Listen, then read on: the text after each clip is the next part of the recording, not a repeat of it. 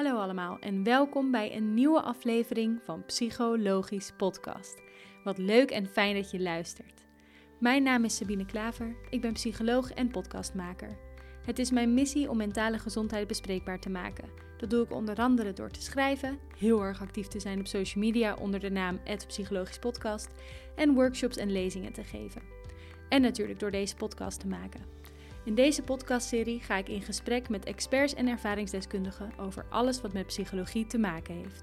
Voor deze aflevering ging ik in gesprek met Mignon Nusteling. Mignon is onder andere kunstenaar, cultuureducator, dichter en activist. Ze heeft autisme en deelt daarover open op social media. In deze aflevering hebben we het over haar autisme en wat het voor haar betekent, maar gaat het ook over psychose, dwang, tics en stigma. Voor we echt aan de aflevering beginnen, wil ik je aandacht vragen voor het volgende. Ondersteuning voor de podcast is heel erg welkom. Je kan je petje afnemen via www.petje.af psychologisch. Bovendien krijg je dan toegang tot exclusieve bonuscontent, dus win-win. Mocht je nou niet kunnen of willen doneren, dan is dat natuurlijk ook helemaal prima. Je kan me ook steunen door via Apple Podcast een recensie achter te laten of je te abonneren op de podcast. Zo hoef je nooit meer een aflevering te missen. Alvast mega bedankt daarvoor. Nu neem ik je mee naar een zonnige nazomerdag vorig jaar. Ik zit samen met Mignon in haar oude slaapkamer in haar ouderlijk huis aan de prachtige oude haven van Dordrecht. Welkom Mignon. Dankjewel. Wat fijn dat uh, ik hier naar Dordrecht mocht komen. En um, dat we hier in een donkere, donker kamertje zitten. Wat we eigenlijk allebei heel fijn vinden. Niet, uh, niet te fel licht. Um, wil je jezelf even voorstellen aan de mensen die luisteren? Ja, ik ben Mignon Nesteling. Ik ben geboren in 1991. Ik woon in Dordrecht op een uh, mooi plekje aan de haven, aan het water. En ik werk als kunstenaar en als cultuureducator. En ik ben heel actief op social media, althans op Instagram eigenlijk voornamelijk. Het Mionnes, Mignonnus met twee N'en. Um, en vanuit daar doe ik ook heel veel dingen die me eigenlijk een beetje komen aanwaaien. Dus mijn carrière is niet echt samen te vatten, maar het is wel leuk. ja, je doet eigenlijk heel veel dingen die je heel leuk vindt om te doen. Ja, zeker. Ja, ik moet soms ook wel eens eh, werk doen, echt, wat ook als werk voelt. Maar ja. me merendeel van de tijd mag ik echt hele leuke dingen doen. Ja, ja nou wat fijn. En je zei al, ik ben uh, actief op Instagram. En daar heb je het over van alles. Mm Je bent activistisch, maar je hebt het over kunst, over cultuur. En je deelt ook best wel veel over mentale gezondheid. Mhm. Want jij hebt zelf de diagnose ASS. Ja. Kan je daar wat over vertellen? Nou, als kind ben ik gediagnosticeerd met eh, ADHD of ADD, dat weet ik eigenlijk niet, niet precies. Uh, en toen ging het toch in therapie, was het niet helemaal duidelijk waar dat impulsiviteitsding nou zat. En uh, ja, hij was al best wel oud en lang geleden gesteld. En um, werd ook steeds meer bekend natuurlijk over autisme bij meisjes. En toen rond mijn twintigste, of misschien ja, de eerste jaren van mijn, van mijn twintiger jaren, toen is de diagnose autisme gesteld. En viel toen een soort van alles op zijn plek voor je? Of was dat heel gek om die diagnose te krijgen? Of... Nou, in die fase van mijn leven was ik al wel heel. Uh, had ik al best wel veel therapie gehad en was ik al heel erg bezig met wat zijn nou mijn behoeften. Even los van het hele beeld wat er om een bepaalde diagnose hangt. Ik was wel heel erg al voor mezelf aan het kiezen en aan het kijken hoe kan ik mijn leven zo inrichten dat ik er goed door gedij. Want ik had echt wel last van veel dingen en ook veel angsten.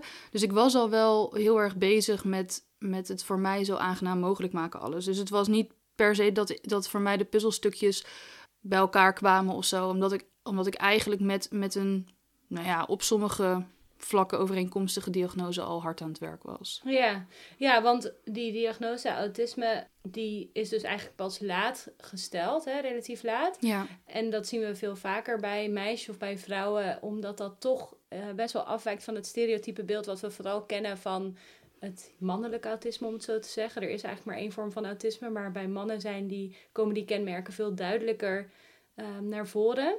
Ja, vind ik ook altijd wel interessant wat daarin dan nature-nurture is. Want ik denk dat er van vrouwen ook veel meer verwacht wordt dat ze smooth door een sociale situatie gaan.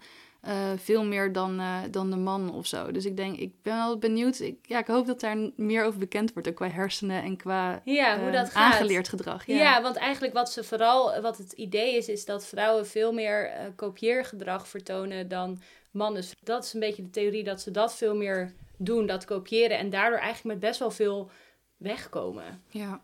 En dat het daardoor pas later wordt ontdekt. Is dat bij jou ook een beetje zo geweest, denk je? Nou, mijn, mijn moeder heeft echt een heel groot aandeel in eh, hoe sociaal vaardig ik ben. Eh, zij is ontzettend intuïtief.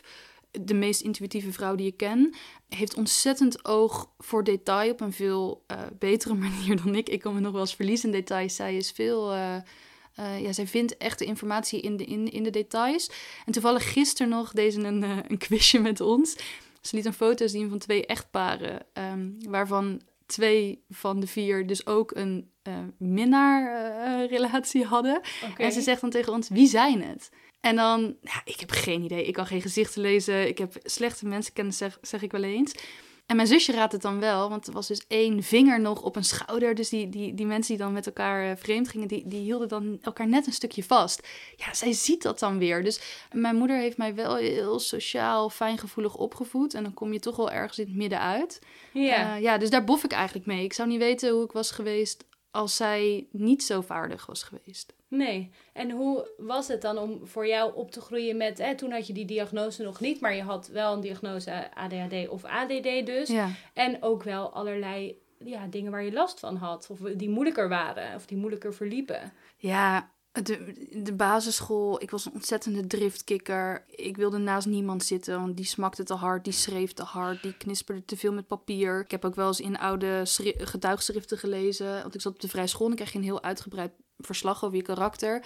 Dat de leraar echt gek werd van mijn geklaag over andere mensen. Of geluidsbronnen. Of uh, het raam wat uh, te veel wind. Uh, weet ik het allemaal. Ik kon ontzettend vijandig en fel uit de hoek komen. Een ontzettend scherpe tong werd ik altijd mee beschreven. En toen ik eenmaal op de middelbare school kwam. Dus ik ging van best wel een, een veilig klimaat op, op het antroposofisch onderwijs naar een heel grote scholengemeenschap. Ja, toen verdronk ik wel echt in niet alleen de prikkels, maar ook de continue verandering. Wij hadden periodes op de vrijschool. Dus je werkte dan een aantal weken aan rekenen of een aantal weken aan taal. Wat voor mij heel prettig was. En nu had ik ieder uur een andere les in een ander lokaal met een andere docent. En in de derde en de vierde, of vanaf de vierde natuurlijk ook andere, andere leerlingen. Ja. Nou, wat een verschrikking was dat. Dus ik was een ontzettend moeilijke leerling. En ik had, eh, als het dan niet ging met een reden of ik, het was me niet duidelijk waarom ik iets moest doen, dan kon, dan kon ik ook echt heel agressief uit de hoek komen. Op school bleef het altijd wel bij verbaal agressief, maar dan kon ik bijvoorbeeld wel mijn broertje fysiek lastigvallen, omdat ik het gewoon nergens kwijt kon. Ja, ja dus al die spanning die dan oploopt doorheen zo'n dag eigenlijk. Ja. Ja dat lijkt me zo lastig dat je dan dus constant die wisselingen, die veranderingen. Ja. En ook dat je tegen ja, dingen aanloopt. Als jij heel erg hè, boos wordt en agressief, dan kan ik me voorstellen dat dat in sociale relaties ook allemaal moeilijk loopt. Of dat nou met een docent is of met andere leerlingen. Ja, hoe, hoe ging dat? Hoe, hoe was dat? Heb je voorbeelden bijvoorbeeld van situaties die toen, dus toen jij opgroeide, die echt heel erg moeilijk waren? Ik zit even te denken. Ik vond gewoon heel de middelbare school periode lastig. Op een gegeven moment ben ik ook niet meer gegaan en ben ik op mijn, denk ik, zestiende thuis komen te zitten. En ik zit even te denken of ik één ding kan nu bedenken wat, um, wat dan lastig was. Ja, ik zit te denken als ik bijvoorbeeld, als ik dan bijvoorbeeld overprikkeld was en ik moest dan ook nog iets doen met gym, zoals rennen of met piepjes testen of weet ik het allemaal. En ik, en ik wilde dat niet ja, ik kende mezelf nog niet goed genoeg om te zeggen: ja, ik ben overprikkeld, ik kan dat niet meer, ik kan niet presteren, ik ben bang dat ik het niet goed doe, dat ik dan weer sociaal, eh, de sociale uitdaging aan moet gaan om uit te leggen waarom ik het niet. Dus ik ging dan met alle macht proberen om onder die situatie vandaan te komen. Ja, vaak door me er of uit te laten sturen of door bonje te maken. Terwijl als ik veel eerder die handvatten had gekregen om aan te geven dat het me niet ging lukken, dan, dan had ik geen gymleraar gehad die mij onvoldoende gaf, echt een, bijna een hekel aan een puber ontwikkelde. Want dat, dat ging je wel krijgen. Dus je jaagt iedereen tegen je in het harnas, ja. Dus bovenop alles waar je last van hebt, komt ook nog eens dus dat hoe anderen met jou omgaan. En dat is natuurlijk ook voor een puber verschrikkelijk om te merken als dat anderen eigenlijk last van jou hebben. Ja. Dat even tussen aanhalingstekens. Ik denk nu we het er zo over hebben, denk ik bijna dat ik misschien mezelf wel ergens uh, Freudiaans impopulair heb gemaakt. Omdat dat dan in ieder geval een stabiele factor was. Dat als ik onbewust mezelf impopulair maakte, maar wel een soort van semi-express, dat, dat ik in ieder geval dan wist dat mensen voor me uitkeken. Of dat ze dachten, oeh, die heeft een scherpe tong, daar blijf ik dan een beetje mee uit. De... Want dat was dan wel stabiel. Dan komt ook niemand naar je toe om je op je schouder te kloppen of zo. Ja, ik, ik denk dat daar misschien nog wel een soort van eh, mechanisme achter zit. Dat je dan een beetje wel kon verwachten hoe een dag Ja, zou lopen. precies. Of hoe, eh, ja. Ja. En daar is op school ook nooit echt de aandacht of begeleiding voor geweest in die tijd. Nee, nee. Nee, ik moet nu denken aan die getuigschriften. Op de vrije school is het zo, je krijgt geen cijfers. Eh, je krijgt ieder jaar een uitgebreid verslag. Je hebt ook zes jaar lang, dus heel je basisschooltraject, dezelfde leerkracht. En die schrijft dan aan het einde van het jaar een zeer uitgebreid eh, verslag ieder jaar. En eh, nou ja, in de zesde klas, groep 8, dat heet op de vrije school de zesde klas, dan krijg je een nog uitgebreidere. En er staat dan ook een soort toekomstperspectief vanuit de Mhm. leerkracht erbij.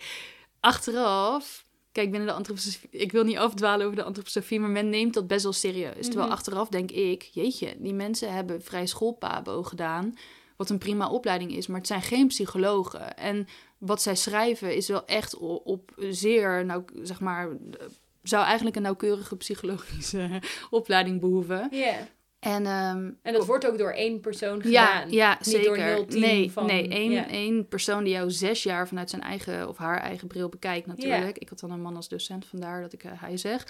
En op een gegeven moment in dat laatste getuigschrift schrijft mijn oud-docent dus ook dat hij mijn ouders ontzettend veel sterkte toewenst bij de ontwikkeling van mijn karakter. Want hij denkt dat zij een zeer zware tijd tegemoet gaan. En mijn moeder heeft me dat destijds niet laten lezen. Maar toen ik hier mijn oude kamer aan het opruimen was... Ik zeg hier omdat we nu in mijn oude kamer zitten. Dat is zo heel Ja. grappig. Ja. Toen, toen las ik dat en ik was daar best wel van geschrokken. Want het voelt ook niet transparant. Dat is het ook. Als je eenmaal een diagnose krijgt... of als je, als je jong weet dat dat gaat gebeuren... of dat je wel naar een psycholoog moet... terwijl andere kinderen in jouw klas het niet hoeven... gaan mensen het heel veel over je hebben...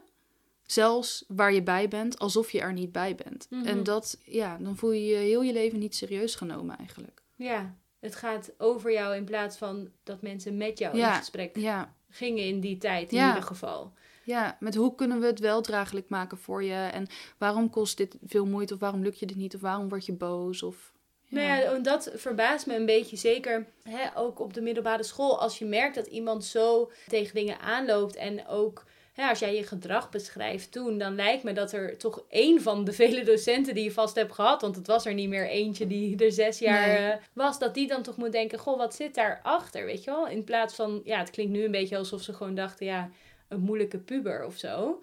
Eh, Ja, ik vind het ook lastig, want ik heb ook wel eens het perspectief van een docent gehoord dat zij een ontzettende werkdruk hebben, dat daar heel weinig, dat ze wel zouden willen dat er weinig- bijna geen tijd voor is. Dus er is wel een keer iemand geweest die zegt je kunt met de schoolmaatschappelijk werker spreken, maar ik had toen al gewoon goede therapie, dus dat, dat Mm. zette ook geen, nee. geen zoden aan de dijk. Maar ik hoor ook wel vanuit het perspectief van docenten dat, het, dat ze wel zouden willen, maar dat het ook soms lastig is. Ja, nou ja, en misschien dat dat ook al een beetje aan het veranderen is. Dat er misschien sowieso wat meer aandacht is voor, ja. Ja, zeker de, de mentale gezondheid van jongeren nu. Nou, mensen doen dan wel eens zo, oh ja, met een labeltje of met een rugzakje, ja, dan kunnen ze weer lekker geld voor je krijgen. Nou, laat het geld maar vloeien, denk ik dan. Mhm. Als daar meer diagnoses voor nodig zijn, om in ieder geval beter en passender onderwijs te creëren, ja, ik, ik snap niet zo dat mensen daar soms een beetje denigrerend over doen.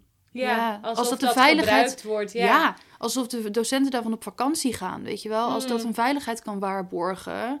Ja, want het is wel meer geld betekent in dit geval volgens mij ook meer tijd en meer Ja. aandacht. En daar zijn En volgens mij leerlingen alleen maar bij die gebaat. gespecialiseerd zijn. Ja, ja, absoluut. Dus best wel een ingewikkelde schooltijd gehad. En hoe, hoe kwam jij toen van school af? Je zegt, ik, eh, op mijn 16 ben ik thuis komen te zitten. Ja. Ehm, ben je ook niet meer terug? Ja, ik ben nog naar volwassenenonderwijs eh, gegaan. En ehm, daar heb ik ook twee jaar en één jaar mogen doen. En dat vond ik eigenlijk prettiger. Want bij volwassenenonderwijs, daar ontbrak het hele sociaal aspect. Er zaten bijvoorbeeld heel veel mensen die om, een, eh, om medische redenen hun eh, school niet hadden afgemaakt. Of ehm, die hadden nog een, een niveau hoger nodig om een vervolgopleiding te mogen doen. Of, dus iedereen zat er echt voor zichzelf in plaats van voor leerplicht of zo. Dus het, was, het voelde veel meer gewoon als ja, serieus naar school gaan en even studeren voor wat je moet weten. En eh, ja, dat was veel duidelijker voor mij. Mhm. Ja, en nou ja, op een gegeven moment heb je die diagnose gekregen. Ja. Ehm, je zegt al van dat maakte niet dat het ineens voor mij allemaal duidelijk was. Of dat de puzzelstukjes op zijn plek vielen. Nee, er is eigenlijk iets anders. Het maakt het voor je omgeving een soort gerechtvaardigd dat je als puber weird as fuck was, zeg maar. En dat vind ik wel eens jammer, want ik denk dan... Het is eigenlijk erg dat je hopelijk liefhebbende omgeving een soort officieel label nodig hebt om te accepteren dat jij dingen op een bepaalde manier doet. Mhm. En dan heb ik het natuurlijk niet over eh, als je de kat in een magnetron stopt, dan, dan, dan moet je daar echt eh, voor op je donder krijgen. Ja, Maar ik bedoel het wat breder. Dat, dat het eigenlijk jammer is dat je soms pas geaccepteerd wordt door mensen op het moment dat er een medische term aan hangt of een psychologische term. ja, ja, inderdaad. Terwijl het, het maakt het misschien ja, begrijpelijker. Ja, dat zou kunnen. Het is concreter, dat wel. Ja, ik weet niet. Ik denk dat eh, veel, veel mensen het ehm, zich moeilijk kunnen voorstellen hoe dat dan gaat in jouw hoofd. En daardoor moeilijk eh, gedrag kunnen begrijpen of kaderen. En misschien dat zo'n label daar dan Ja. wel bij kan helpen. Maar het is ook weer link, want dan verval je ook weer in de aannames door stigma's rondom een bepaalde diagnose. Ja, Maar ja, door het- een stereotype beeld ja eigenlijk. bijvoorbeeld. Ja. Ja. ja, heb je dan ook het idee dat nu al jouw gedrag daardoor verklaard wordt?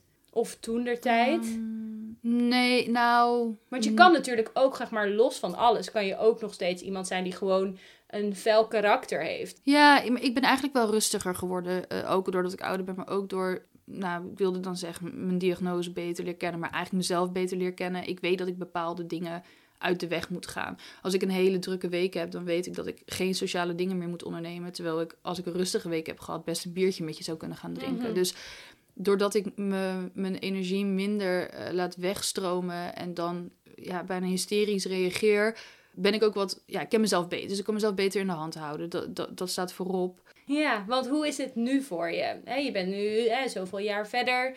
Hoe heeft eh, de A6 invloed op jouw dagelijks leven? Eh, veel wel. Ehm, vanaf. Nou, bijvoorbeeld vandaag. Wij spreken af om deze podcast op te nemen om 11 uur 's ochtends. Ik werd gisteravond uitgenodigd voor een ochtend subronde. Dus eh stand-up pad- paddling door de haven. Dan moet ik weigeren, omdat ik anders het klotsende water al heb gehoord. Ik heb al bewogen, dus mijn lichaam voelt al anders dan normaal. Ik heb al een sociaal gesprek gehad. Dus dan weet ik, nou, dan ben ik te overprikkeld om daarna nog in volle energie met jou te spreken. Ja.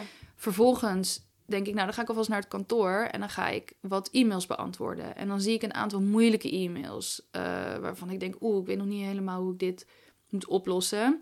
Dan ga ik die niet openen, want dan ga ik in die energie ook dit gesprek in. Dus ik weet dan, die emoties gaan me uitputten. Die prikkels kan ik nu niet aan, want ik moet nog met jou spreken. Dus dat doe ik niet. Maar ja, 11 uur is wel voor mij halverwege de dag al bijna. Dus ik heb wel een aantal uur verloren, doordat het dus lastige dingen waren voor mij om te doen en dan ook nog dit te moeten doen. Dus ik moet in mijn agendaplanning qua dag en qua week, want nu heb ik bijvoorbeeld vier dingen gedaan met andere mensen. Eigenlijk is mijn regel twee, max drie. Eh, daar moet ik wel rekening bij houden. En dan hebben we nog eten. Dingen moeten knapperig zijn. Eh, ik moet eh, bepaalde koffie hebben die niet anders smaakt dan dat ik gewend ben. Mhm. Nou ja, daar, mijn brood moet in de oven, want anders vind ik het te zompig. Dus het, het, het heeft op alles invloed.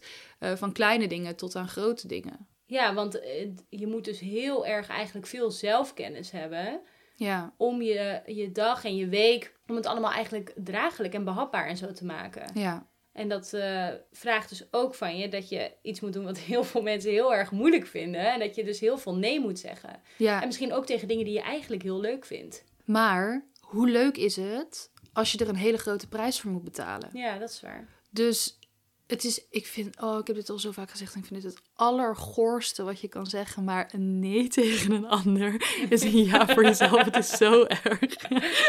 maar het is wel zo. Ik weet dat ik een prijs moet betalen voor impulsiviteit. Als ik niet eerst ga denken, hoeveel ruimte heb ik hiervoor? Doe ik dit voor mezelf of doe ik dit om te voldoen aan de verwachting van een ander? Mhm.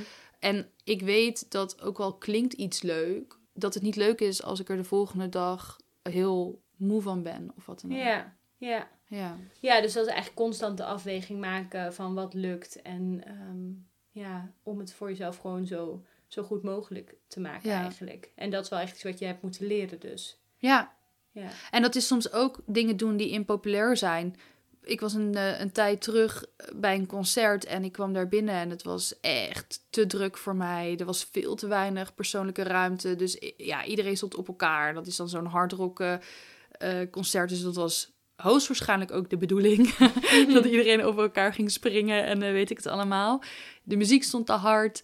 Ja, ik vond het gewoon verschrikkelijk. En dan zeg ik, ik ga weg. En daarom spreek ik ook liever niet af. Ik ga liever overal alleen heen, omdat ik dan zelf de regie heb met of ik wel of niet blijf en in welke vorm. Of eh, ja, dat vind ik dan prettiger. Of met z'n drieën bijvoorbeeld, dat ik in ieder geval twee mensen achterlaat. Ik wil nooit degene zijn die de Bob is waar mensen van afhankelijk zijn. Ik kan gewoon niet beloven dat ik er, dat ik er blijf. Mhm. En is dat nu, eh, ziet jouw leven er dan zo uit dat je gewoon dat jij weet dat, mensen in jouw omgeving weten dat en iedereen kan daar rekening mee houden? Of loop je echt nog wel eens tegen dingen aan waarbij mensen ja, daarin onbegripvol zijn of heel teleurgesteld of zo?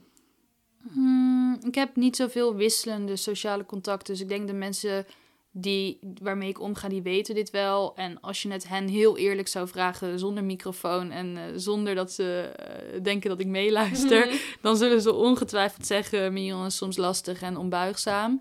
Eh, maar ja, dat, zij hebben vast ook allerlei moeilijke eigenschappen waar ik dan weer af en toe iets mee moet doen. Dat is ook geven en nemen, dat hoort erbij. Ja. Ja, en in echte vriendschappen en goede relaties werkt dat gewoon Ja, zo en niemand- accepteer je dat ook van elkaar. Niemand is alleen maar leuk. Mhm. Dat is gewoon niet zo. Nee. nee, ik denk dat we vaak eh, willen doen wel nog steeds alsof dat zo is. Ja. Maar ja, zo werkt het leven niet, hè?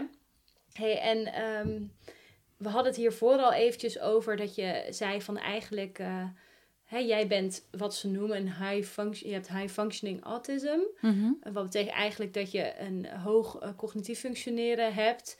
En eh, dat het dus... We hadden het er een beetje over dat jij, ik weet niet of ik dit zo kan zeggen... maar zo de leuke autist bent. Ja, de tv, ik zeg altijd, mijn broer is bijvoorbeeld meervoudig gehandicapt. En dan zeg ik altijd, hij wordt minder geaccepteerd dan de tv-downie. Er is altijd een soort van, Mhm. nou ja, je hebt ook de tv-autist, zeg maar. Ja. Zoals- ik denk dat iedereen wel begrijpt wat ik dan bedoel. Ja, en oh, ik denk ehm, een vorm van autisme die we dus eh, wel nu accepteren met z'n allen. Waarvan we denken, oh ja, dat is autisme. In, in series die je hebt. Hoe heet die ook alweer? In, eh, op Netflix. Atypical? Ja, atypical. Ja, zo van, oké, ja, kan wel moeilijk zijn, maar dat, hè, die, iemand die kan gewoon functioneren. Ja. En dan, maar er, er zijn heel veel mensen waarbij dat veel moeilijker is. En dat Ja. wordt dan veel minder geaccepteerd. En daar heb jij volgens mij ook al zo je ideeën over. Nou, zeker wel. Ik, ik, ik, vind het, ehm, ik vind hier heel veel van. Ik, ik weet eigenlijk bijna niet eens eh, waar ik moet beginnen. Allereerst vind ik dat de media een, een grote verantwoordelijkheid hebben in, eh, in het opbouwen van het stigma rondom autisme. En dat kan eh, zowel negatief zijn als eh, de Rain Man, zeg maar. Of eh, bijna positief dat mensen denken: hé, hey, autisme, oh ja, dat is toch dat je eh, heel gevoelig bent. Of eh, ze verwarren met HSP, dat het wel, weet je wel, oh nee, ik kan ook niet tegen Harry. Ehm, en dat het, dat het een soort bewijs is dat je eh, bovengemiddeld intelligent bent. Ik krijg best wel vaak berichtjes ook op Instagram van mensen die zeggen: ja, ik, ik wil me graag laten testen op autisme voordat ze bedacht hebben waar heb ik behoefte aan in, in het leven. Mhm. En als, dat, als het dan geen medicatie is of, of geen, eh, eh, dat je afgekeurd wordt tot een bepaald aantal uren of zo, dan denk ik, waarom wil je dan zo graag die diagnose? Het lijkt wel alsof er door wat de media gemaakt heeft, bijna een soort van positief stigma op een soort quirky, witty, intelligente. Ja, ik weet niet. Het, het is gewoon alle beeldvorming rondom autisme is. En het is fijn dat er, dat er eindelijk meer aandacht voor is. En het is fijn dat het ook niet alleen maar negatief is. Maar ja, het wordt nu bijna een soort van de knuffeldiagnose. Terwijl ik wil ditzelfde marketingteam op bijvoorbeeld eh, eh, diagnoses als borderline. Want dat, is, dat heeft alleen nog maar het negatief stigma. Mhm.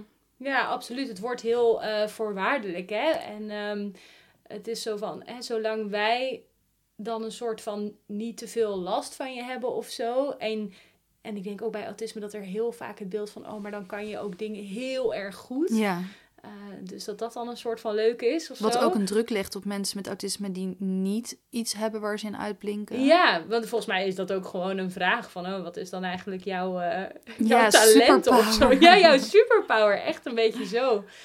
Terwijl, kijk, jij, hè, wat we zeiden, je hebt high functioning autisme, maar eh, jij hebt nog steeds ook heel veel last van dingen. Ja. En er is ook, wij zien op Instagram, hè, mensen die jou volgen, zien, hè, je bent creatief, eh, je bent eh, heel, je zet je eh, in voor allerlei eh, sociaal-maatschappelijk belangrijke doelen en zo. Ehm, eh, je bent bezig met cultuur. Maar er is ook een andere kant. En Ja. gelukkig laat jij die ook best wel regelmatig zien op social media. Maar misschien nog te weinig. Kijk, mensen beseffen misschien ook niet dat ik dit leven met het beroep wat ik heb, heb gekozen omdat ik het het leukst vond. Ik heb eigenlijk het profiel wat ik had gekozen, bijvoorbeeld op de middelbare school, was NGNT. Ik wilde eh, iets in een laboratorium doen of zo. Nou, dat ging gewoon niet gebeuren. Dus ik heb alles moeten inrichten op wat kan ik dan wel. En ik werk niet voor mezelf omdat ik per se ondernemer wilde zijn. Het is zo omdat ik niet binnen een team kan opereren en ik altijd bonje had met collega's.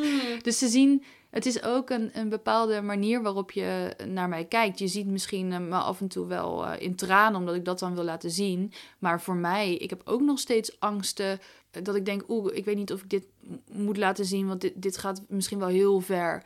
Hoofdbonken bijvoorbeeld, ik ga niet filmen dat ik met mijn hoofd, en dat is echt, dit heb ik nog nooit zo durven zeggen. Dat is ook de veiligheid van de podcast, hè? dat je Mm. alleen een stem hoort. Maar de- ik, ik kan echt met mijn hoofd tegen de muur bonken. Omdat ik een situatie niet overzie. Ik wil dan gewoon. Dat is alleen maar chaos. Eh, en dat is één keer in een panieksituatie. Dat ik echt een meltdown totaal. ja, dat er kwam geen einde aan. En dat ik, dat ik echt met een hersenschudding naar het ziekenhuis moest. En dat ik toen drie weken uit de running ben geweest. Ja, nee, neem dat dan ook bij je quirky diagnose, omdat je zo graag de bovengemiddeld intelligente eh, special snowflake wil zijn. Ja, sorry dat ik het nu zo bozig zeg, maar diagnoses zijn, zijn geen, ehm, geen identiteit. Mijn identiteit is een nieuwsgierige eh, vrouw die kunst maakt. Mhm. En niet een autist die kunst maakt. Mhm. Ja, maar soms ziet de buitenwereld dat misschien wel zo. Ja, Want dat is het hele. Ik denk dat er veel voordelen zijn aan het krijgen van een diagnose. Maar ik denk dat een van de nadelen is, is dat mensen je vooral dan ook door die diagnosebril zien. ja, En eh, ook kunnen denken van, oh ja, jij hebt eh, talent voor deze dingen. Oh ja, dat is om, ja, omdat je dat autisme hebt waarschijnlijk. Want dan zijn mensen altijd heel erg goed in dingen of zo. ja. Dat, dat beeld heerst wel een beetje. Terwijl, en ik denk dan ook, weet je wel, wat, eh, we staan dan denk ik wel een beetje te applaudisseren als het allemaal goed gaat. Maar wat als, als wij jou aantreffen in zo'n situatie dat het allemaal escaleert en dat je met je, met je hoofd aan het bonken bent, ben je dan ineens die verwarde vrouw waarvan iedereen een beetje bang is Nou, eigenlijk? dat kan ik je wel vertellen. Ik heb een keer een meltdown gehad in de Albert Heijn. En ik werd helemaal eh, eh, gek van alle prikkels daar ook. En ik ben met sinaasappels, ik had een zak sinaasappels en die was ik allemaal zo tegen de grond aan het duwen. Nou, er was helemaal niemand die ingreep. Ik was het uiteindelijk zelf die mijn tante heeft gebeld die me is komen halen. Dus het, er is niemand die, die- inderdaad, je bent de, de enge verwarde vrouw. Er is dan niemand die denkt, oh, dit heb ik eh, in Atypical gezien. Dit is vast iemand met een autisme spectrumstoornis. Nou, ik weet precies wat ik moet doen. Nee hoor, die, gaan, die doen hun eigen boodschappen. Die gaan naar huis en die gaan Netflix aanzetten en gaan naar die En serie naar kijken. Bene. kijken. ja. ja, nou ja, en weet je, ik denk ook, je hoeft ook niet precies te weten wat je moet doen. Maar we kunnen wel met z'n allen ook een beetje verdraagzamer zijn. En, en daarin ook, ja, toch een beetje hulp bieden Ja. aan elkaar. Ik vind dat echt vreselijk dat er in zo'n situatie niemand je geholpen heeft. En ook niet het personeel dus. Nee. Zijn er nog situaties waarvan jij denkt van eh, dat, dat illustreert heel erg hoeveel er nog, hoeveel kennis er nog nodig is, hoeveel meer aanpassingen misschien ook wel, of acceptatie? Of je zei, je zei eh, laatst van ja, ik denk de Albert Heijn, daar kom ik al niet meer. Nee, nou het interessante is dus dat ik ehm, nu, we- op, op het moment dat we dit opnemen, eh, zitten we eh, in, de- nog in de coronacrisis. En er zijn Mhm. al wel wat versoepelingen, maar er is nog duidelijk een aangepaste maatschappij. En voor het eerst zijn dingen duidelijk aangegeven. Borden met uh, uh, hierheen, daarheen, uh, hier Ja, wel afrekenen, pijlen hier pillen, pijlen. Ja. Eindelijk is het een soort van duidelijk wat de bedoeling is. Ik kan me nog wel eens herinneren dat ik met een, eh, een, een- meisje wat ook autisme heeft bij, volgens mij was het Julia's, dat is zo'n pasta-restaurant op het Mhm. station in Amsterdam, een pasta wilde eten. Maar dat was een heel hip concept waarbij je dan ergens anders moest bestellen dan het ophalen. Nou, wij snapten het niet en we zijn weggegaan. Dus we hebben het niet gegeten, omdat het gewoon te verwarrend was. Dus er wordt eindelijk een, een, een, stuk communicatie, non-verbale communicatie en verduidelijking opgevangen door, door bijvoorbeeld... eh, het is bitterzoet dat het dan met een pandemie gepaard moet gaan. Maar Mhm. dat zijn bijvoorbeeld dingen die, die vaak onduidelijk zijn. Of eh, zes verschillende menukaarten op een tafeltje. Eentje voor de drankjes, eentje voor de drankjes van een ander merk. Eh, eh, moeilijk. ja, en ook niet echt nodig. Nee, en niet duidelijk wanneer iets bijvoorbeeld vegetarisch is. Want het is gewoon allemaal zo. Ja, en, dat, en dat, dat zoeken naar de juiste informatie kost heel veel energie en heel veel tijd. En dan hou je dus minder tijd over voor andere dingen. Bijvoorbeeld het gesprek wat je hebt met je tafelpartner Mhm. op dat moment. Dus als er onduidelijke communicatie is met menukaarten, wordt mijn gesprek met degene met wie ik ben bijvoorbeeld dan minder leuk. Ja, daar kan ik het restaurant natuurlijk niet de schuld van geven. Maar het zijn wel dingen, jij stelt de vraag, dingen waar ik het bijvoorbeeld aan merk. Ja, nou ja, en eh, het, zijn, het lijken mij kleine eh, aanpassingen die gedaan kunnen worden door gewoon ons als maatschappij. Om het iets makkelijker te maken en toegankelijker voor een grote groep mensen. Ja, maar ja, als je natuurlijk zelf de problematiek nooit hebt ervaren, is het heel lastig om daarop te anticiperen. Mhm. Hetzelfde geldt natuurlijk voor rolstoeldrempels of... Ja. eh, nou ja, Nou ja, ook daarvan snap op. ik niet dat dat, eh, dat het op zoveel plekken ontbreekt. Nou, ik vind wel, inmiddels zitten we wel op een soort van punt met algemene kennis en ook algemene dialoog of publieke dialoog over dit soort onderwerpen, over validisme of scenisme of wat dan ook. Dat ik denk, hmm, je moet wel bijna je expres je oog dicht gehouden hebben. Wil je nu Nou ja, nog geen aanpassingen gedaan? Dat is het, want eh, wat je zegt is waar. Ik denk dat eh, als je zelf eh, geen ASS hebt, of eh, dat, dat het heel moeilijk voor te stellen is hoe dat dan is, of wat, wat dan de dingen zijn. Maar ik denk, er is zoveel kennis nu en er Ja. zijn ook, weet je, al die tv-programma's, die Ja. zijn er wel. En toch spelen we daar nog niet zo op in. Te weinig in ieder geval. Ja, misschien de tv-programma's zijn misschien. Het is ook weer een soort identiteitspolitiek en veel minder en, en misschien symptoombestrijding in plaats van dat we dan structureel eh, voor een verandering gaan. Want dan zou ik die, die verandering qua acceptatie, maar ook qua aanpassingen, die zou ik dan echt diagnose breed willen zien. Dus dat, Mhm. dat iemand.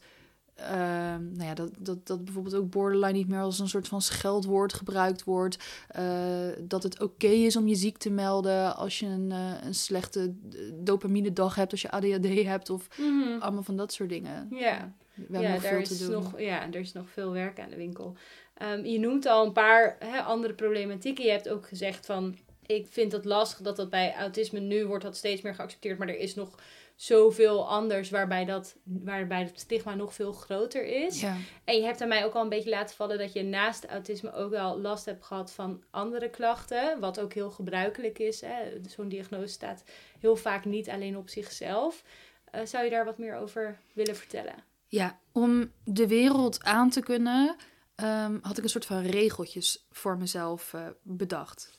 Bijvoorbeeld, ik moest altijd mijn. Ik rookte destijds nog. Dat was ook echt voor mij een soort eh stimmen. Moet ik stimmen uitleggen? Ja, leg maar uit. Ja, de, de, de woorden worden allemaal door elkaar gebruikt. Dus ik hoop dat ik het, wat je hebt, stimmen, fiepen. En, eh, Mhm. Maar er zijn een aantal eh, dingen die je kunt doen die je prettig vindt. Bijvoorbeeld autistische kinderen zie je heel vaak autootjes op een rijtje zetten. Ehm, ik doe iets met mijn handen, altijd een soort trucje van vinger naar vinger. En dat houdt me dan rustig ehm, op momenten dat, dat ik het meer nodig heb. Maar ook gewoon, ik vind het soms lekker om te doen. Gewoon Mhm. doe ik het niet om rustig te worden. Maar dus roken ehm, eh, vond ik, eh, een, een- ik wil het niet verheerlijken, want je moet het niet doen. Het is heel slecht, ik ben gestopt. Maar ik vond het een lekker gevoel om dat dan door mijn, door mijn keel en longen te voelen. Maar ik gebruikte het ook echt als rustmoment ehm, om even eh, alleen te zijn en dat dan te voelen. Want dan kon je je daarop focussen in plaats van alle prikkels om je heen. Inmiddels heb ik gezondere manieren gevonden.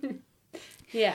Ehm, maar ik rookte dus nog en ik wilde altijd die sigaret aansteken met een oranje aansteker.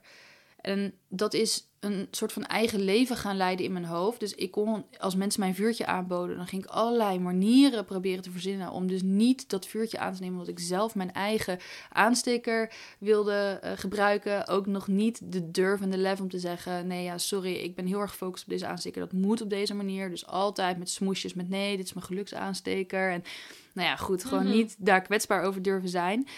Ehm, en op een gegeven moment, dit is een van de dingen waar ik het mee ging merken. Als ik dan een ander, andere aansteker had gebruikt, of ik ontkwam niet aan dat iemand anders mijn vuurtje aanstak, dan dacht ik dat diegene eh, eventueel een vergiftigd vuurtje zou, gebruikt zou hebben. Ehm, en dat als mijn sigaret op was, dat ik dood zou neervallen. Nou ja, dat duurt bij roken iets langer, maar dat er zijn. en dat begon zoveel angst te creëren, dat ik dan eh, nou ja, dan dacht ik, nou, misschien heb ik het niet begrepen, val ik niet meteen dood neer, maar duurt het een dag? Misschien duurt het een week, misschien duurt het een maand. En ik ging dan overal op letten, dan word je hyperalert op je lichaam. Dan word je ook een soort van, het lijkt wel alsof je een soort van angst dingen aangaan in je lichaam. Je wordt alerter op alles. Ik zag opeens mensen op hoeken van de straat die daar wel vaker stonden. Wat deden die daar? En eh, als ik groente kocht in de supermarkt, hoe wist ik dan dat... Nou ja, ik wil niet alles noemen, omdat ik, omdat ik weet hoe ehm, bijna besmettelijk dit soort ideeën kunnen Mhm. zijn. Maar er waren dus, het, het richtte zich bij mij heel erg op vloeistoffen. En dat ging steeds verder, echt op een gegeven moment naar straling en eh, weet ik het allemaal.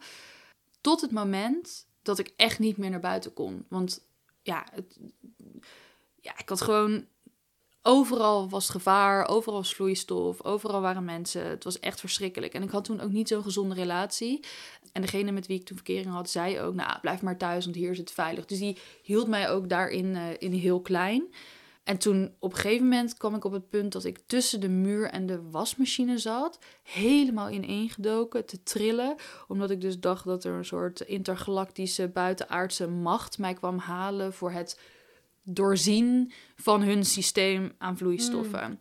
En toen was ik helemaal eh, in paniek. Mijn sociale kring was natuurlijk door die relatie heel klein geworden. Want ja, ik werd heel, heel klein gehouden daarin. En die angsten werden heel erg gevoed om mij ook binnen te houden. Want dan had hij mij voor zichzelf. Dat ik, ja, ik, ik, nou ja, ik, ik heb echt zo- zo'n duizend moment heb ik nog nooit eh, eh, gehad. En daarna ook gelukkig nooit meer in mijn leven. En toen heb ik wel ergens een soort van moment van helderheid gehad en gedacht, ik moet dit doorbreken. Toen heb ik mijn ex-partner gebeld. Mm, en die is me toen komen halen. Dus ik was toen ook uit het huis, ben er nooit meer teruggegaan. En, en die, eh, dit is heel troebel voor mij nu. En die heeft me wel naar de crisispsychiater gebracht. Nou, toen heb ik daar iets van medicatie gekregen en ben ik een traject ingegaan om al die psychotische klachten dus eh, ehm, de kop in te drukken. Ja, en dit is echt, is dit over een periode van... Het gaat heel langzaam, hè? Want Ja. je, sommige mensen hebben het wel eens over dat ze bijvoorbeeld... Nou ja, het kan natuurlijk ook met drugs gepaard gaan of zo... maar de- dat het er opeens was. Maar ik kan, ik het, voor mij altijd een heel lange aanloop. En ik heb nog steeds wel eens dat ik merk dat ik, me, dat ik een soort staartje heb... dat ik denk dat als ik een aansticker pak en hij is toevallig oranje... dat ik, dat ik hem dan niet gebruik, Hmm. bijvoorbeeld. Mhm. En nou ja, dit klinkt als een hele heftige periode voor jou. En ben je toen daar, dus je bent dat traject ingegaan, heeft dat snel eh, voor verbetering gezorgd? En hoe is het daarna een beetje verlopen? Ja, dit is dus wel lastig, omdat het voor mij heel eh warrig is. Zeker ehm, bepaalde angst- en paniekremmers die gaan gepaard met vergeetachtigheid en zo. Dus het is best wel eh, moeilijk om dat helemaal terug te halen. Ik weet wel dat uiteindelijk wat voor mij, en ik weet ook niet of dat dan met mijn soort van doorgeschoten ratio eh, te maken heeft, dat de behandeling die voor mij het beste werkte was een soort van uitrekenen waarom dit nergens op sloeg. Ja, wat kost het om iemand jou te laten surveilleren en wie betaalt dat? En uiteindelijk is dus dat echt met de getalletjes. ja. Ja, als iemand jou 24 uur per dag moet schaduwen, dan kost dat qua uurloon dit. Wie gaat dat betalen? En jij zegt dat er meer zijn. En hé, hey, jij wilde toch eh, iets scheikundigs gaan doen? Dan kun je uitrekenen welke stof zou dat dan moeten zijn binnen vuur. En dus dat werd helemaal een soort van scheikundig en rationeel aan mij weerlegd. Waardoor, ik, eh, eh, waardoor ik er dus grip op kreeg.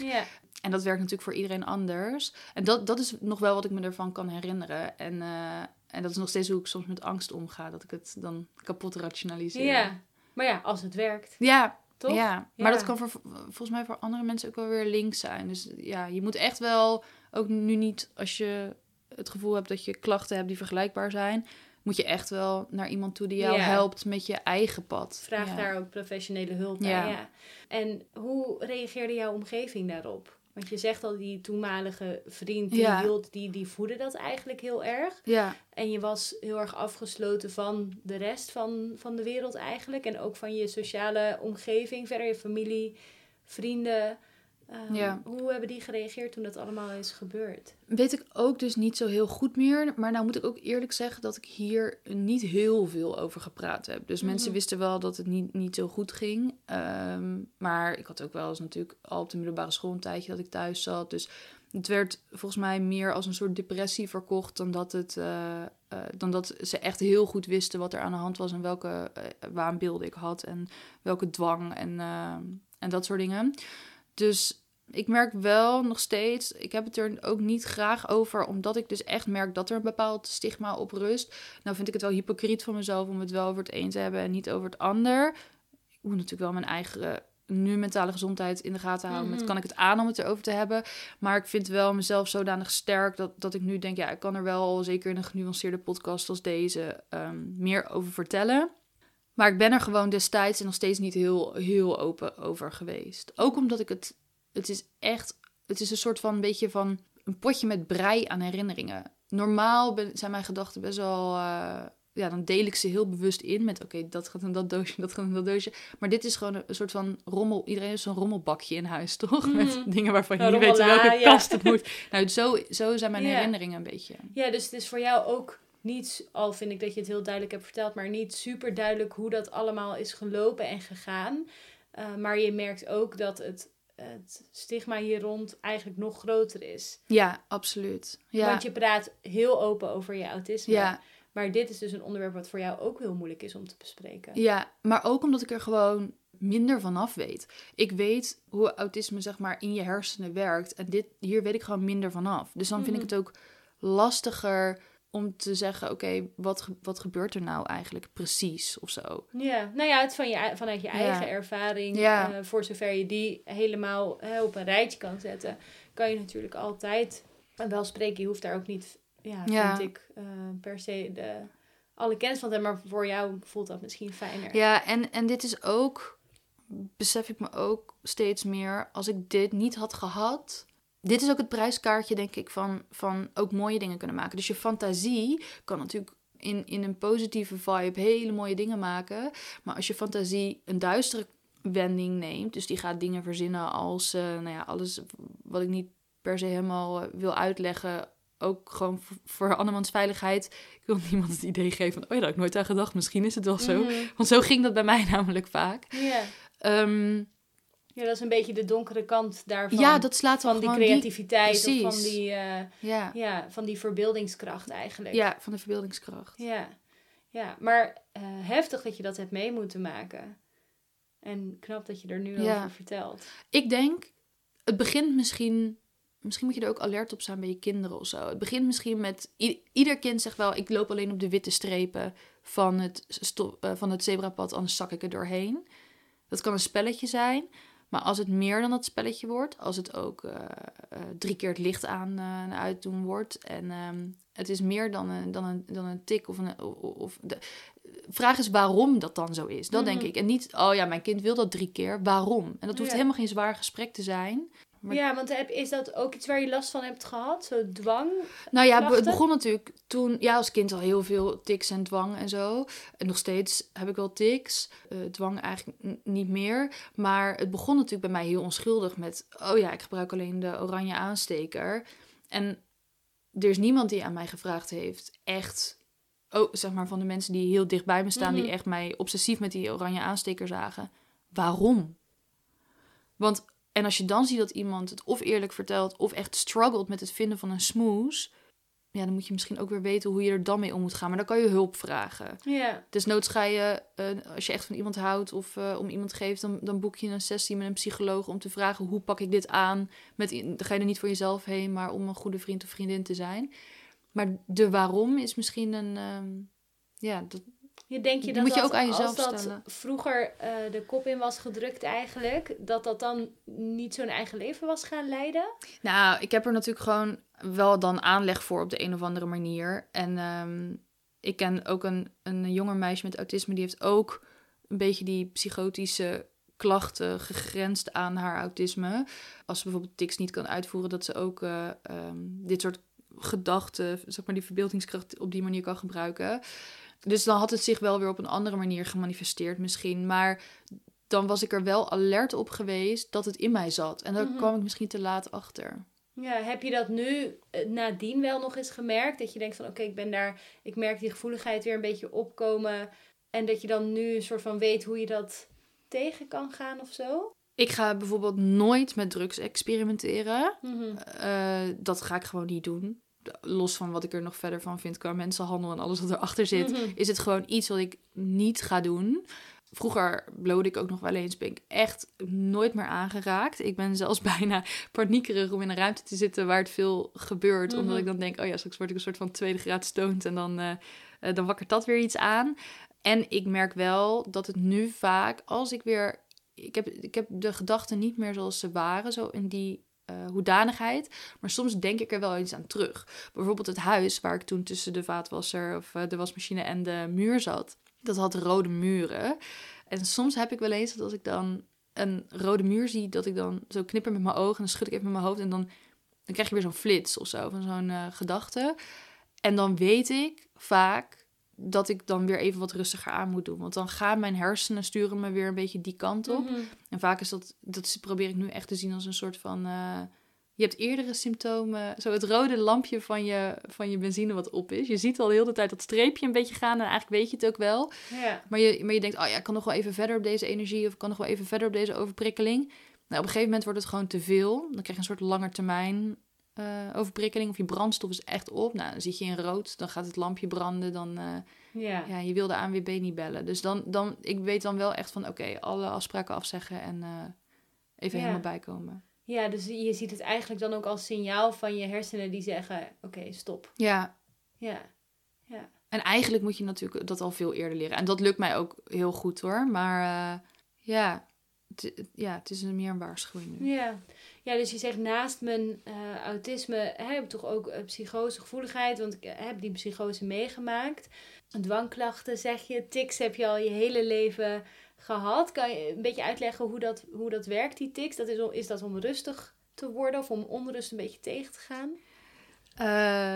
Ik heb een, even denken of ik bijvoorbeeld één tik kan uitlichten. Oh ja, dat is ook nog wel de, waarom de ene therapie niet werkt voor de andere eh, eh, therapie. Wat mij ooit een keer verteld is, toen ik heel ziek was door een dokter ehm, als kind, is leg je kin eens op je borst. Eh, want dan, hij wilde testen of ik geen hersenvliesontsteking had. Dus ik leg mijn kin op mijn borst en ik dacht, oh gelukkig, geen hersenvliesontsteking. Maar dat is zich dus gaan cultiveren in mijn hoofd. Dus ik ging elk kwartier, eerst om het uur, om het kwartier, om de minuut, om de seconde testen of ik geen hersenvliesontsteking had. Hmm. Heel de dag door. Kreeg ik zo'n kramp van in mijn nek dat ik naar een soort tiktherapie moest. En diegene ging mij leren dat ik de tegengestelde beweging moest maken. Dus Oh oh. Kin op je borst, hoofd in je nek. Kin op je borst. Maar dan wilde ik ook een soort knak voelen van mijn spieren. Dus ik ging keihard kin op mijn borst, keihard die nek naar achter. Helemaal dikke spieren op. Want ik plakte de ene tik achter de andere tik. Het was niet het tegengestelde en dan het Nee, het werd gewoon, het werd een- gewoon een, ja. een tweede handeling in mijn tik. En eh, nou, op een gegeven moment zoveel pijn. Dan kreeg ik echt gewoon spierverslappers en weet ik het allemaal. Om dus dat, om dat af te leren. En ik heb nog steeds wel tics. Eh, sommige zijn denk ik onzichtbaar voor mensen. Als ik stress heb, sommige heel erg. Met mijn arm, die gooi ik dan uit de kom en dan gooi ik hem er weer in. Dus dat, ja, dat, dat, dat doet gewoon echt heel veel pijn. eh, eh, dat heb ik vooral in de auto bijvoorbeeld. Want ik heb eigenlijk dan een tik met mijn been. Die kan niet, want dan moet ik eh, Mhm. het gas geven. Dus dan vang ik hem op met mijn arm. Met mijn arm doet hij veel meer pijn. Dus als ik dan bijvoorbeeld een lang stuk heb gereden... dan kan ik soms gewoon heel mijn arm niet meer gebruiken een paar dagen. Dus Jeetje. ja, En is dat dan omdat die stress zo eh, hoog is, dat, daar, dat je daar een soort van afleiding van moet? Of dat je dat... Ik, eh, soms, soms wel. Soms, soms weet ik, oh ja, ik heb stress, dus ik doe het. Soms weet ik, ik heb angst, daarom probeer ik de aandacht af te leiden met een Mhm. pijntje bijvoorbeeld. Maar soms kan ik het gewoon, kan ik het gewoon niet onderdrukken. Dan, dan, dan zeg ik, oké mignon, vijf, dan zet ik een klokje. Vijf minuten mag je het niet doen. En dan, dan alles gaat zich aanspannen in mijn hoofd. En dan word ik gewoon helemaal, ja, ik tril dan gewoon helemaal. En dan ga ik het toch doen. En dan niet één keer, maar acht keer achter elkaar totdat het pijn doet. Om soort van in te halen dat ik het dan een paar minuten niet mocht doen. Het is gewoon, mijn hersenen zeggen, doe het, doe het, doe het, doe het. Ik, ik kan het niet uitleggen. En het heeft dus eigenlijk soms een functie en soms misschien helemaal niet, maar is gewoon oncontroleerbaar. Ja, ja, Ja.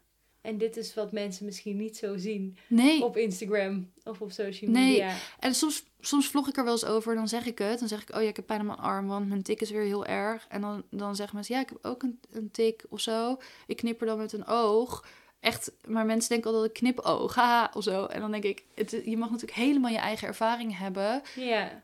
Maar het, het, het is echt niet iets waar ik grapjes over wil ontvangen of zo. Ik wil Mhm. er dan open en transparant over zijn, maar het is geen quirky dingetje. Nee. Dat is het, ja. Nee, dit is eh, het verste van grappig wat kan zijn. Ja, maar Ja. dan denk ik, hoe moet ik het dan communiceren dat mensen het niet adopteren als een quirky dingetje? Dat is echt moeilijk om de juiste tone of voice te vinden in hoe je dit soort onderwerpen behandelt, bijvoorbeeld op social media.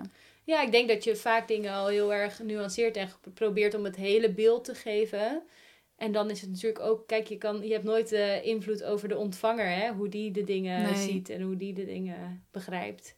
Want wat heeft het jou gebracht om zo open daarover te zijn naar je eigen omgeving toe, maar ook op social media? En wat misschien juist niet?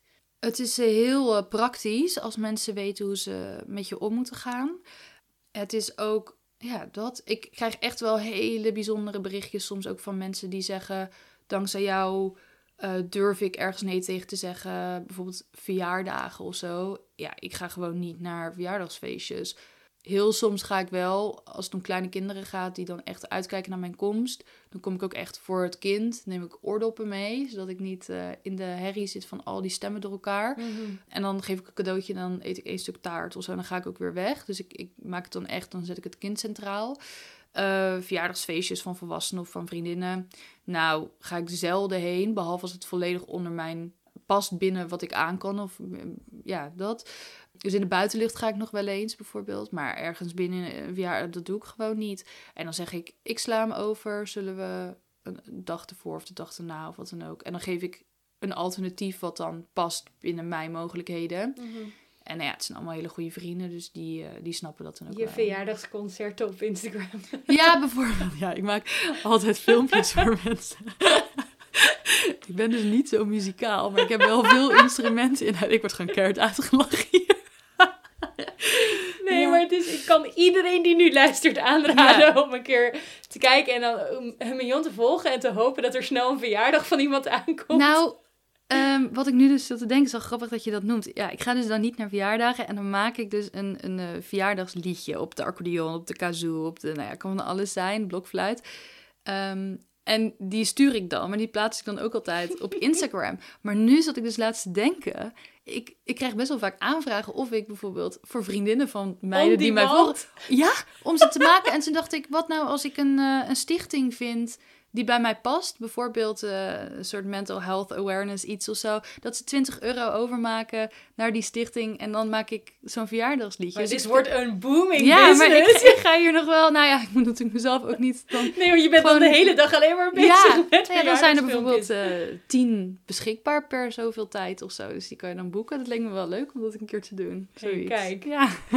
Heel businessplan. Ja, maar dan laat je wel zien dat je moeite hebt gedaan. Dan- Want Ja. dat is het een beetje. Dus ik, maak, neem wel de moeite om, ook al klinkt het niet heel goed. Ik neem wel de moeite om, om te laten zien, ik denk aan je. En het is niet Mhm. dat ik er onder, onderuit probeer te komen. Want ik ben me wel bewust van de, dat, eh, dat je niet een soort van je autisme kaart moet trekken van... oh, het lukt even niet. Eh, dus eh, ehm, ik verschuil me erachter of zo. Ja, nee, het is gewoon echt iets wat voor jou niet gaat. Maar je laat dan op andere manieren zien dat je een hele goede vriendin bent. En dat je heel veel Ja. diegene geeft. Ja. Ja. ja, dus je zegt het open zijn op Instagram, dat biedt me eigenlijk, eh, maakt het het heel begrijpbaar voor, of begrijpelijk voor mensen die weten waar ze aan toe zijn eigenlijk bij je. Eh, Doe je het vooral dat open zijn voor jezelf? Of heeft het vooral een maatschappelijk doel. Want ik denk dat het daarin altijd heel erg een beetje aftasten is van wat is nog goed voor mezelf en wat eh, Ja. heeft de maatschappij nodig of zo.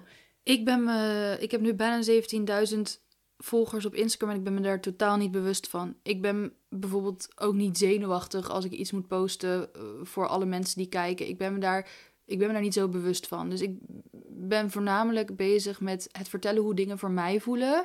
En eh, soms ehm, ben ik positief verrast dat andere mensen daar dan zoveel baat bij hebben.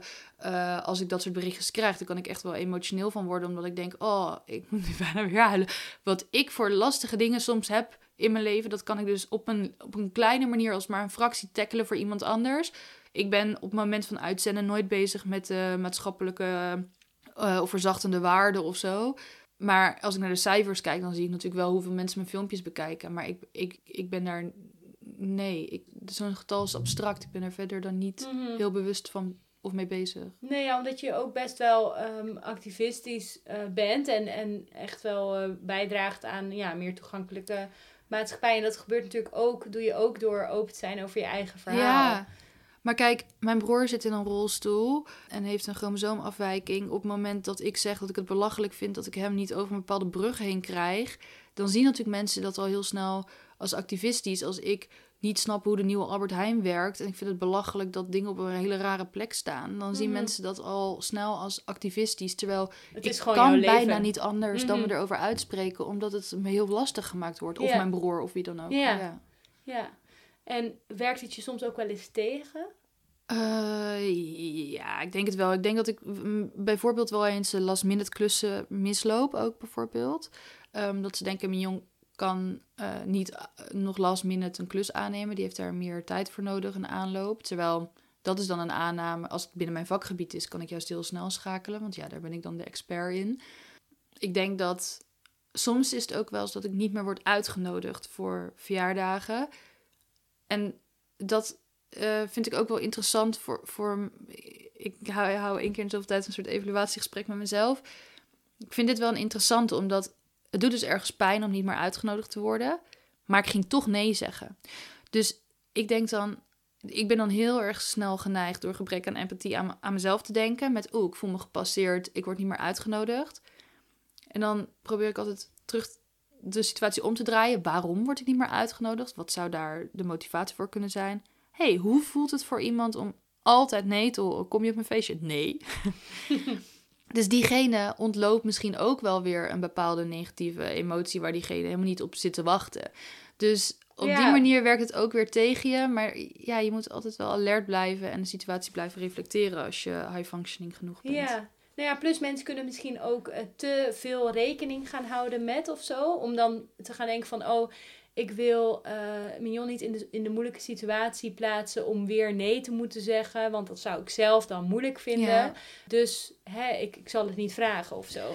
Wat ook ehm, lastig is, want ik vind het juist soms wel eens goed om dingen te doen die ik eigenlijk niet zo prettig vind of eh, waar ik nog van kan leren. Omdat je anders krijg je echt zo'n soort friendly world syndrome, dat je denkt dat heel de wereld wel voor jou is ingericht, terwijl dat, dat niet zo is. Mhm. Eh, soms is het ook wel, ehm, denk ik, wel goed.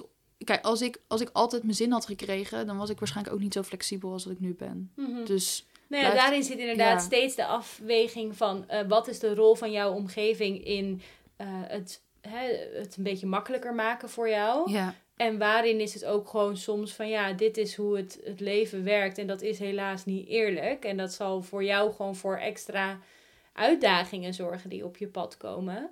Eh, maar daardoor, in, door dat ook te hebben meegemaakt, heb je dus inderdaad wel geleerd hoe daar dan mee om te gaan. ja Want ik zeker. denk dat je dat nooit helemaal kan voorkomen. Nee, natuurlijk niet. En, en het is zelfs voor, het is natuurlijk voor iedereen lastig op andere manieren. Je hebt Mhm. natuurlijk ook nog zoiets als, eh, ja, gewoon je karakter en wat je wel of niet prettig vindt, of je voorkeuren. Of, Ja. ja. Nou ja, daarom dus dat steeds... Kijk, ik vind de maatschappij dat moet toegankelijk zijn en inclusief zijn. Maar mensen moeten dus eigenlijk... Of jij zou het fijn vinden als ze wel gewoon blijven vragen... hey, kom je wel op mijn verjaardag?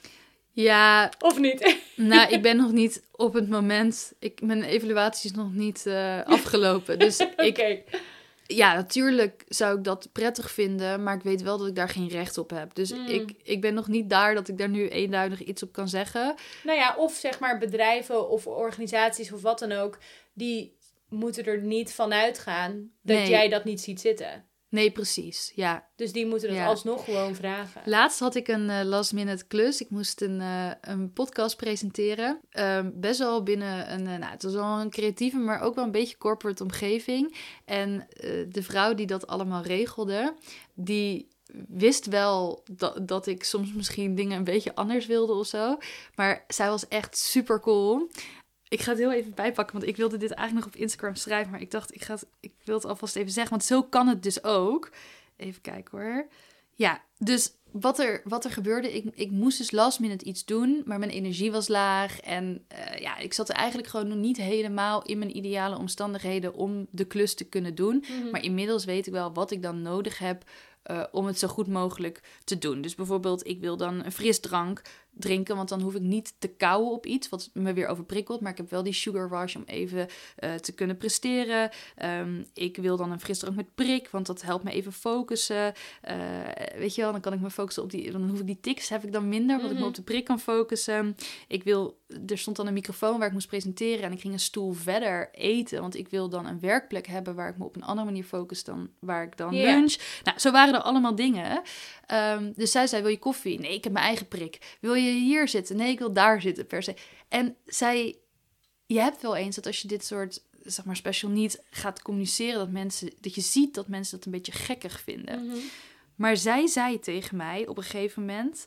eh, oh, ze zei op een gegeven moment. Keek ze naar mij en ze, uit gastvrijheid vroeg ze: Wil je nog koffie? Ik zei dat ik dat niet wilde. Ik heb dit allemaal opgeschreven omdat ik haar nog wilde bedanken. Ehm, want ik had namelijk alles precies zo voorbereid als dat ik het zelf wilde. Dus zij kon mij op dat moment niet aanbieden. Wat beter zou zijn dan hoe ik het voor mezelf had geregeld. En in plaats van dat ze dat raar vond of neurotisch, of dat, ze, dat ik zag dat zij daar iets van vond, zei Mhm. ze: Zo te zien kun jij heel goed voor jezelf zorgen. En dat vond ik zo'n prettige opmerking, omdat het dus voor mij bevestigde dat het goed was hoe ik voor mezelf zorgde. En daarmee liet ze me dus ook zien dat ze het vertrouwen had dat als zij wel iets kon doen, wat natuurlijk voor haar als gastvrouw ook prettig is, dat ze, dat ze erop kon vertrouwen dat ik dat echt wel zou aangeven. Ja. Dus Ja. ehm, ik, ik dacht nog, ik ga erover nadenken verder. Of ik, of ik daar misschien met de zin. Je kunt goed voor jezelf zorgen. Of lukt het je vandaag om goed voor jezelf te zorgen? Of ik ga nog even nadenken hoe ik daar iets mee. mee wat ik daarmee kan doen. Maar dat vond ik. ja ik denk merkte dat, ik dat zo prettig vond. Ja, de vraag is denk ik heel mooi. Zeg maar, Ja, ik misschien weet ook mooier niet- nog dan de aanname van... Jij die kan zeker wel voor jezelf zorgen of zo. Maar de vraag van... Hè, lukt dat vandaag om goed voor jezelf te zorgen? Ja, precies. Ja. Want dan, dan ga je dus ook niet de muziek zachter zetten terwijl het niet nodig is. Of ja, weet je wel? Mhm. Plus het geeft jou de ruimte. Misschien doe je dat al wel. Maar het geeft ook aan anderen dus de ruimte om het wel aan te geven als er iets nodig is. Ja. Ja. Nou ja, ik ben nog... Ja, precies. Nou ja, dit is voor iedereen. Iedereen mag er vanaf nu over nadenken. Nu heb ik het zo gezegd. Dus iedereen mag er verder op doorfilosoferen. Ik ben Ja. ook nog niet helemaal uit hoe ik dit nou zelf kan gebruiken naar andere mensen. Want ik denk wel eens iedereen moet allemaal rekening houden met mij. Doe ik het genoeg voor anderen? Ik ga, ik ga iets met deze zin doen. Ja, maar weet je, als iedereen het zou aangeven, als iedereen zou aangeven waar ze behoefte aan hebben, waar ze nood aan hebben, is nog steeds de ander vrij om te zeggen, nou, dat kan ik jou niet bieden. ja. Maar dan wordt het toch een veel meer, ja, een openere en transparantere wereld. Waar iedereen zich volgens mij ook wel gewoon beter voelt. ja, en ook door gewoon eerlijke gesprekken met elkaar te voeren. Ja, je kwetsbaarheid te, dur- te durven tonen. Ik had Mhm. een keer een ehm, interessant gesprek met een vriendin van mij. Zij was eh, toen we dat gesprek hadden recentelijk gediagnosticeerd met borderline. En eh, zij zat heel erg met haar werkplek, want er was daar een heel ingewikkeld sociaal klimaat waar zij eh, heel onzeker van werd. En zij ging dan helemaal over haar eigen grenzen om een soort van de leukste medewerker ooit te zijn. Zij voelt dan dat allemaal aan, zei ze. Van ja, dan merk ik dat die een beetje boos naar me kijkt en die... eh, nou, ik- allemaal dingen waar ik totaal niet mee bezig ben in het leven. ik donder gewoon door. Maar zij, zij ving dat dus allemaal op. Echt een soort, eh, nou, een slak heeft eh, vier voelsprieten en zij was een slak met eh, 180.000 sociale voelsprieten, waar ze Mhm. heel de tijd het gevoel van had dat ze ook van alles moest met die informatie. En op een gegeven moment vertelde ze dus dat ze ziek naar huis was gegaan, omdat ze zo misselijk werd doordat ze met een. ehm, nou, die, die, al die collega's stonden in een, in een kring met elkaar te praten. En zij kwam aangelopen en zij wilde zich bij de kring scharen. Ook met een soort koffiekring was het. En die kring werd niet geopend. Dus zij werd niet geaccepteerd in een kringgesprek. Gewoon informeel kringgesprek hoor. Gewoon een gesprekje in een kring. En zij voelde zich zo rot daarvan dat ze zich ziek heeft gemeld. En ik zat dat aan te horen en toen zei ik ja. Maar de kans dat je in een kringgesprek geaccepteerd wordt is on- ongeacht jouw persoonlijkheid of wie jij bent 50%. Ze zei, huh, wat? Nou heb je eh, Peers, dat is een, een handboek voor, volgens mij heet het officieel iets van eh, Manual for People, Adults with, nee, People with Autism or Other Social Challenges of zoiets. Maar het is een soort, in plaats van dat ze hebben gekeken hoe hoor je je te gedragen in een maatschappij, wat is nou ethisch oké, hebben ze gekeken naar wat is sociaal wenselijk. Daar hebben ze een gemiddelde van gemaakt en dan een soort handboek gemaakt. Dus dit is hoe de wereld het doet. Niet per se hoe wij zeggen dat het moet, maar dit is het meest sociaal geaccepteerd. En daarin had ik dus gelezen hoe je in een kringgesprek moet inbreken. Als die een beetje open gaat, dan kun je instappen. Maar de kans dat die cirkel open gaat is 50%. Misschien heeft iemand het wel net over het verlies van een dierbare en die, die kring is even de veiligheid, gaat die niet open. En zij zei, ja, als ik dit zou weten, Mhm. zei dat meisje met, eh, eh, met borderline. Als ik dit zou weten, dan had ik me op dat moment misschien of helemaal niet onzeker, of maar 50% onzeker gevoeld. Ja. Maar de therapie die ik nu krijg, is dat ik dan heel erg moet gaan kijken naar wat, wat heeft dat met mij te maken. Terwijl als ik gewoon de, de feiten zou horen zoals jij behandeld wordt, van nou ja, de kans is 50%, Mhm. dan zou ik daar ook nog baat bij hebben. Dus ik denk dat als we allemaal met elkaar zouden praten over wat we geleerd hebben, wel of geen diagnose, maar gewoon eerlijke gesprekken voeren in plaats van over het weer, dat gewoon het hebben van een dieper gesprek genormaliseerd wordt, dat we veel empathischer met elkaar kunnen omgaan. Want we begrijpen elkaar gewoon beter. En je kan zoveel van elkaar leren. Want dit was dus specifiek, wat, wat ik haar vertelde, was dus, kwam uit een handboek speciaal en specifiek gericht op mensen met autisme. Terwijl zij, zij, zij bedankte me echt maanden later nog voor, voor dat feitje, omdat ze zich dus veel sociaal zekerder voelt in moeilijke gezelschappen waar ze te veel sociale prikkels ontvangt. Ja. Ja, wat bijzonder dan eigenlijk. Is dat denk je ook het belangrijkste wat je zegt? Dat open zijn en dat eerlijk met elkaar delen over wat we moeilijk vinden, eh, wat we lastig vinden. Ehm, is dat het belangrijkste in het eigenlijk het gevecht tegen het stigma, om het zo te noemen? Ja, dat denk ik wel. Is dat ook wat je mee zou willen geven aan anderen? Of de- denk je, wat, wat kunnen we doen? Sowieso, als je gewoon denkt, wat kan ik doen? Dan vergeet dan alles wat je denkt te weten over een bepaalde diagnose. Want het is ongetwijfeld een stigma. Ik behandel ook iedereen met autisme soms alsof ik het zelf ben. Dus dan ga ik helemaal veel, als iemand bij mij eh, moet parkeren, filmpjes sturen van waar ze dan precies moeten parkeren. Terwijl daarmee onderschat ik misschien ook wel iemands verkeersinzicht. Dus eh, ja, eh, je vergeet eigenlijk alles wat je denkt te weten. waaruit je dus een aanname kunt doen. Want da- daar, ja, dat, ik denk dat je gewoon altijd aan de, aan de persoon. Iedereen blijft een individu. Dat is Mhm. het sowieso. En een, een diagnose is geen identiteit.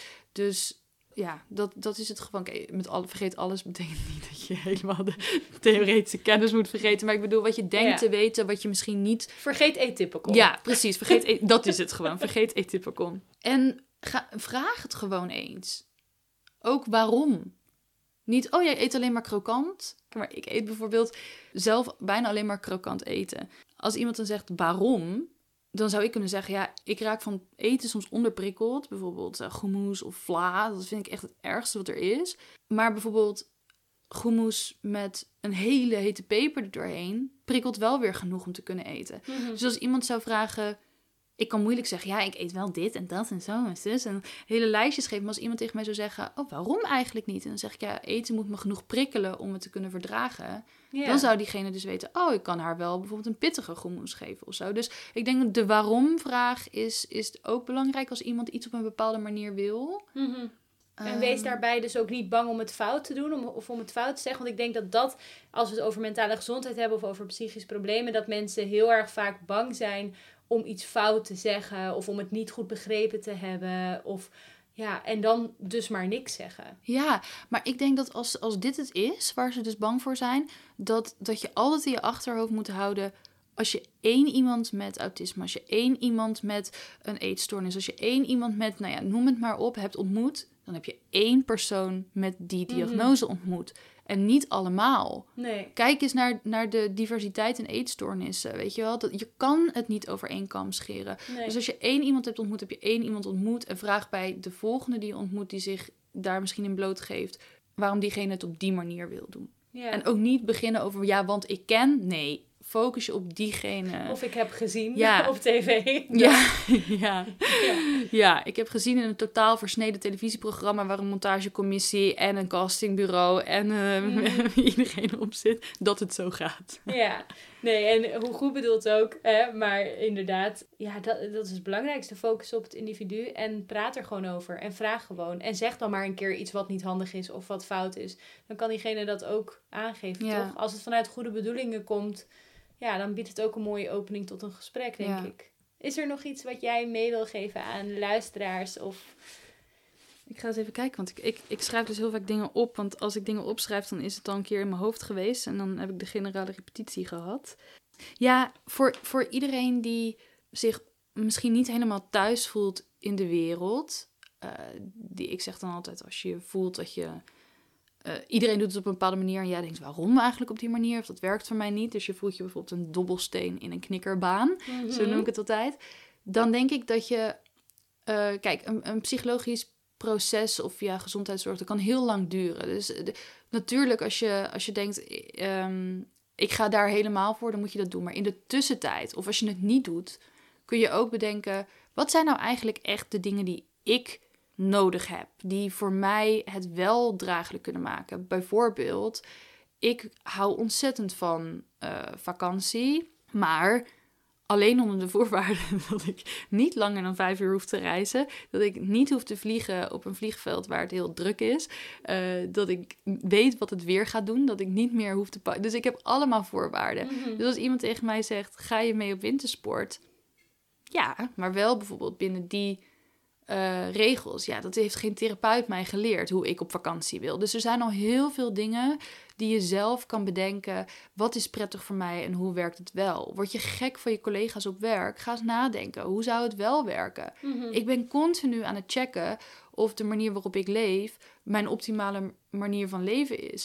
Ik heb nu bedacht dat ik ontzettend rustig word van schilderen. Nou, eh, dus niet schilderen zoals ik normaal doe als in kunstschilderen, maar kozijnen. Nou, en Ja. dan denk ik, ja, voor, ik weet niet, ik, ik kan mezelf soms niet vertrouwen. Dit kan volledig een preoccupatie zijn, dus dat ik helemaal geobsedeerd aan het schilderen ben. Of het is echt de manier waarop ik eigenlijk mijn leven zou willen le- leven- le- leven. En nu heb ik dus aan een schilder gevraagd of ik een week stage bij hem mag lopen. Om te kijken of mijn preoccupatie eigenlijk misschien wel een hele fijne levensstijl is. Ja, en als dat het niet is, dan zeg ik: Oké, bedankt. Hier heb je een bosje bloem en een VVV-bon. En dan ga ik iets proberen wat wel mijn optimale leven kan vormen. Dus ik denk dat je altijd moet blijven reflecteren: waarom doe ik iets?